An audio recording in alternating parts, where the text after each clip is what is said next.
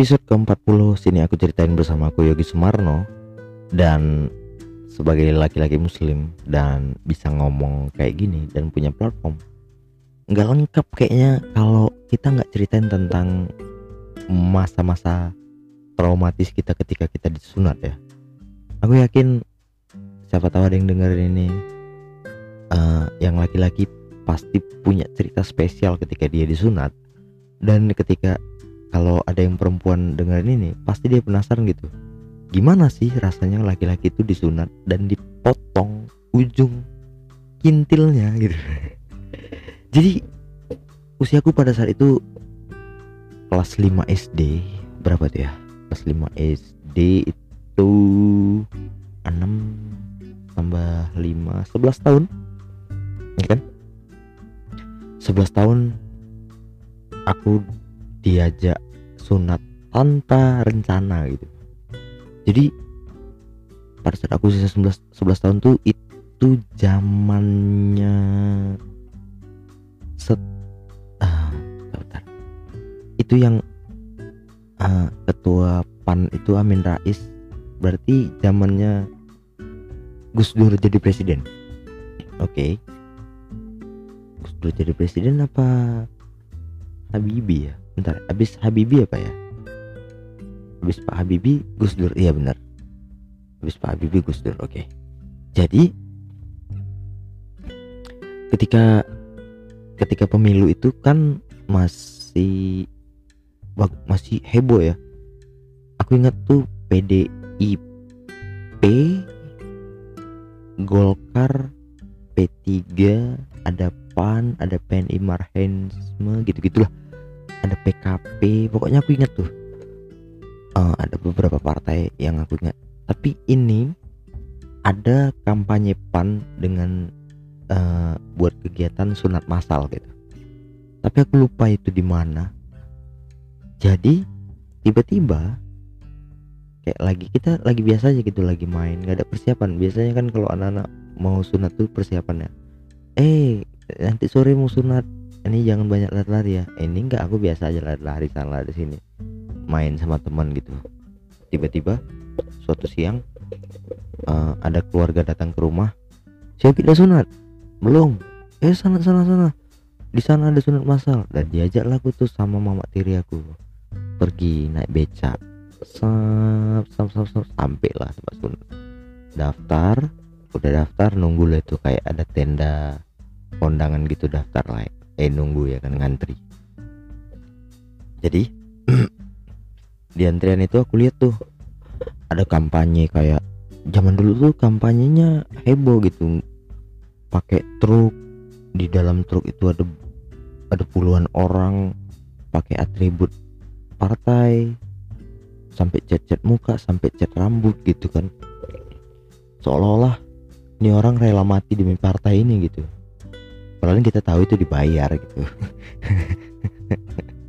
Jadi itu aku bisa lihat tuh dari kursi antrian itu di jalan tuh lagi macet-macetnya karena semua partai kampanye dengan serentak gitu. Aku nggak tahu itu ada keributan apa enggak ya kayak tapi kayaknya enggak sih. Karena uh, lumayan damai lah kalau di Medan ini nggak pala banyak keributan gitu. Jadi kondisinya tuh ketika aku ngantri tuh ada semua kursi penuh. Semua kursi penuh dipenuhin dengan anak-anak yang muka pucat ketakutan karena tahu mau disunat dan orang tua yang sosok nyabarin sosok bilang nggak sakit padahal terasanya kayak anjing sakit kali gitu kan. Dan tiba giliran aku gitu. Oh.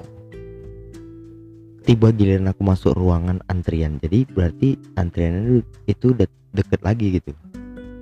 Uh, udah masuk ruangan ngantri ada beberapa anak di kursi antrian mungkin ada sekitar 5 atau 6 dan aku lihat tuh aku dengar bahkan suaranya ada yang teriak mama! Aduh teriak ada yang ngaji-ngaji uh, ada yang selawatan kalau sakitnya gitu. Jadi tiba giliran aku oh anak sebelum anak se sebelum aku itu menjerit senjerit-jeritnya dan dia keluar dengan menangis terseduh-seduh gitu. Wah pucat dong. Anjing diapain lah aku nih berpikir ya kan. Nah tiba lagi giliran aku kan. Tiba giliran aku rebahan gitu rebahan. Nah adik umurnya berapa? Umurnya 11 gitu kan. Kelas berapa? Sekolah kelas 5 lalu rebahan uh, tahan ya dek baca al-fatihah. Nanti setelah al-fatihah selesai sunatnya juga udah selesai katanya. Nggak sakit kok katanya. Ya oke nggak sakit. Dan aku mulai baca tuh Bismillahirrahmanirrahim. Terus tuh disuntik. Suntikan pertama itu anjing sakit. Uh asli nangis nangis aku tuh. Masih trauma sih bu. Tiba disuntik. Aduh sakit bukan main. Suntikan kedua mulai berkurang rasa sakitnya. Mungkin karena yang pertama itu sakit kali jadi yang kedua tuh kayak tubuh kita mulai membiasakan diri sama sakitnya gitu. Dan suntikan ketiga tuh mulai kayak kecil aja gitu kayak apa sih kayak uh, apa ya kalian pernah nggak sih digigit nyamuk tapi terus tuh bentolan itu kalian uh, bikin tanda plus dipakai kuku gitu pernah gitu rasanya gitu gitu sakit-sakit gatal gitu. Yang ketiga. Dan nunggu mungkin setengah menit 30 detik atau satu menit. Dan dokter itu uh, mukul-mukul lutut aku pakai tangan gitu. Pek pek pek gitu. Uh, makin kuat makin kuat makin kuat. Tapi aku nggak terasa apa apa gitu. Dan dia mulailah tuh. Jadi rasanya aku bisa dengar kulit titit aku digunting gitu. Rek, gitu aku bisa dengar itu. Dan itu traumanya. Ah gila. Tapi habis itu hmm, diperban eh dijahit dijahit itu terasa kayak celana aku tuh ditarik-tarik gini tek tek tek tek gitu. Tapi itu sebenarnya kan kulit titit kita yang dijahit kan. Dan mulai diperban dan setelah itu uh, udah nggak rasa sakit lagi. Dan pulangnya kita dikasih hadiah gitu. Dikasih sarung dikasih uang. Kalau nggak salah uangnya 5000 gitu dalam amplop. Dan itu cukup besar pada saat itu karena pada saat itu jajan sehari-hari aku cuman 150 perak 150 rupiah. Kalikan aja kalau sekarang jajan anak sekarang 2000 rupiah aku dulu 100 rupiah berarti kalau 5000 berarti kalau anak sekarang tuh dikasih 100 ribu. Iya gak sih? 200 ribu gitu lah ya. Jadi cukup banyak cukup banyak itu 5000 itu aku bisa jajan berapa hari gitu kan. Bisa poya-poya berapa hari gitu. Dikasih hadiah sarung uang dan peci kalau nggak salah. Dan nggak nggak kayak anak anak-anak pada umumnya itu dirayain terus tuh diundang saudara-saudara untuk ngeliatin bentuk titit kita yang sebenarnya nggak penting juga sih. Dan nyemangatin kita dan itu banyak hadiah-hadiah. Bahkan kawan aku tuh ada dapat Sega ada dapat PlayStation ada dapat gitar. Aku nggak ada gitu senyap aja gitu. Karena keluarga aku miskin dan saudara-saudara bapakku juga kere. Tidak ada yang peduli. Jadi ya cukup biasa aja sih sebenarnya. Nah yang paling berkesan itu ketika tiga hari setelah disunat itu kan buka perba perbannya harus dibuka gitu. Jadi buka perban tuh banyak lah ngomong cerita-cerita nanti buka perban direndam pakai air hangat buka pelan-pelan gitu kan.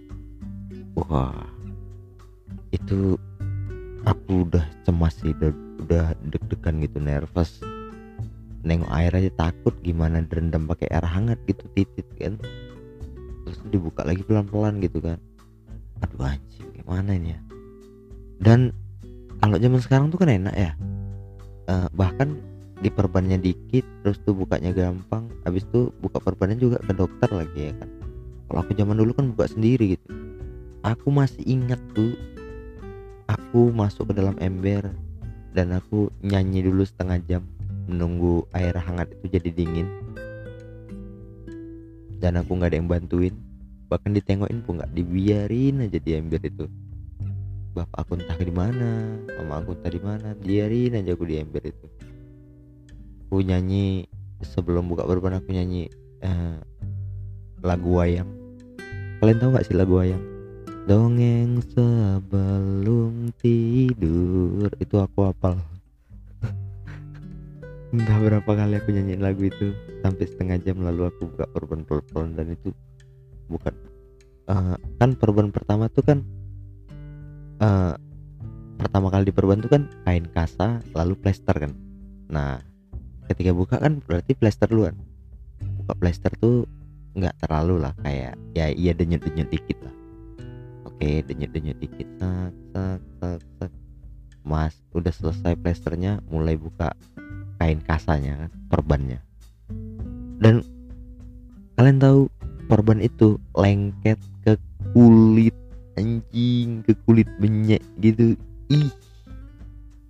Luka itu kan penyembuhan itu kan artinya benang-benang benang-benang apa namanya ya? Kalian paham nggak sih kalau kalau kulit banyak itu kalau kalau luka itu terus tuh dikasih perban gitu kain kasa itu kan? Kain kasa itu kan rongga-rongga ya. Dan banyak banyak banyak lalu kering terus kan lengket ke kain kasa itu kan. Makanya pakai harus pakai kain hangat gitu kan. Dan itu anjing sekali. Ih nggak ada yang lebih menyeramkan daripada buka perban sunat. Anjing sekali itu gitu. Dan setiap detik aku buka kain kasa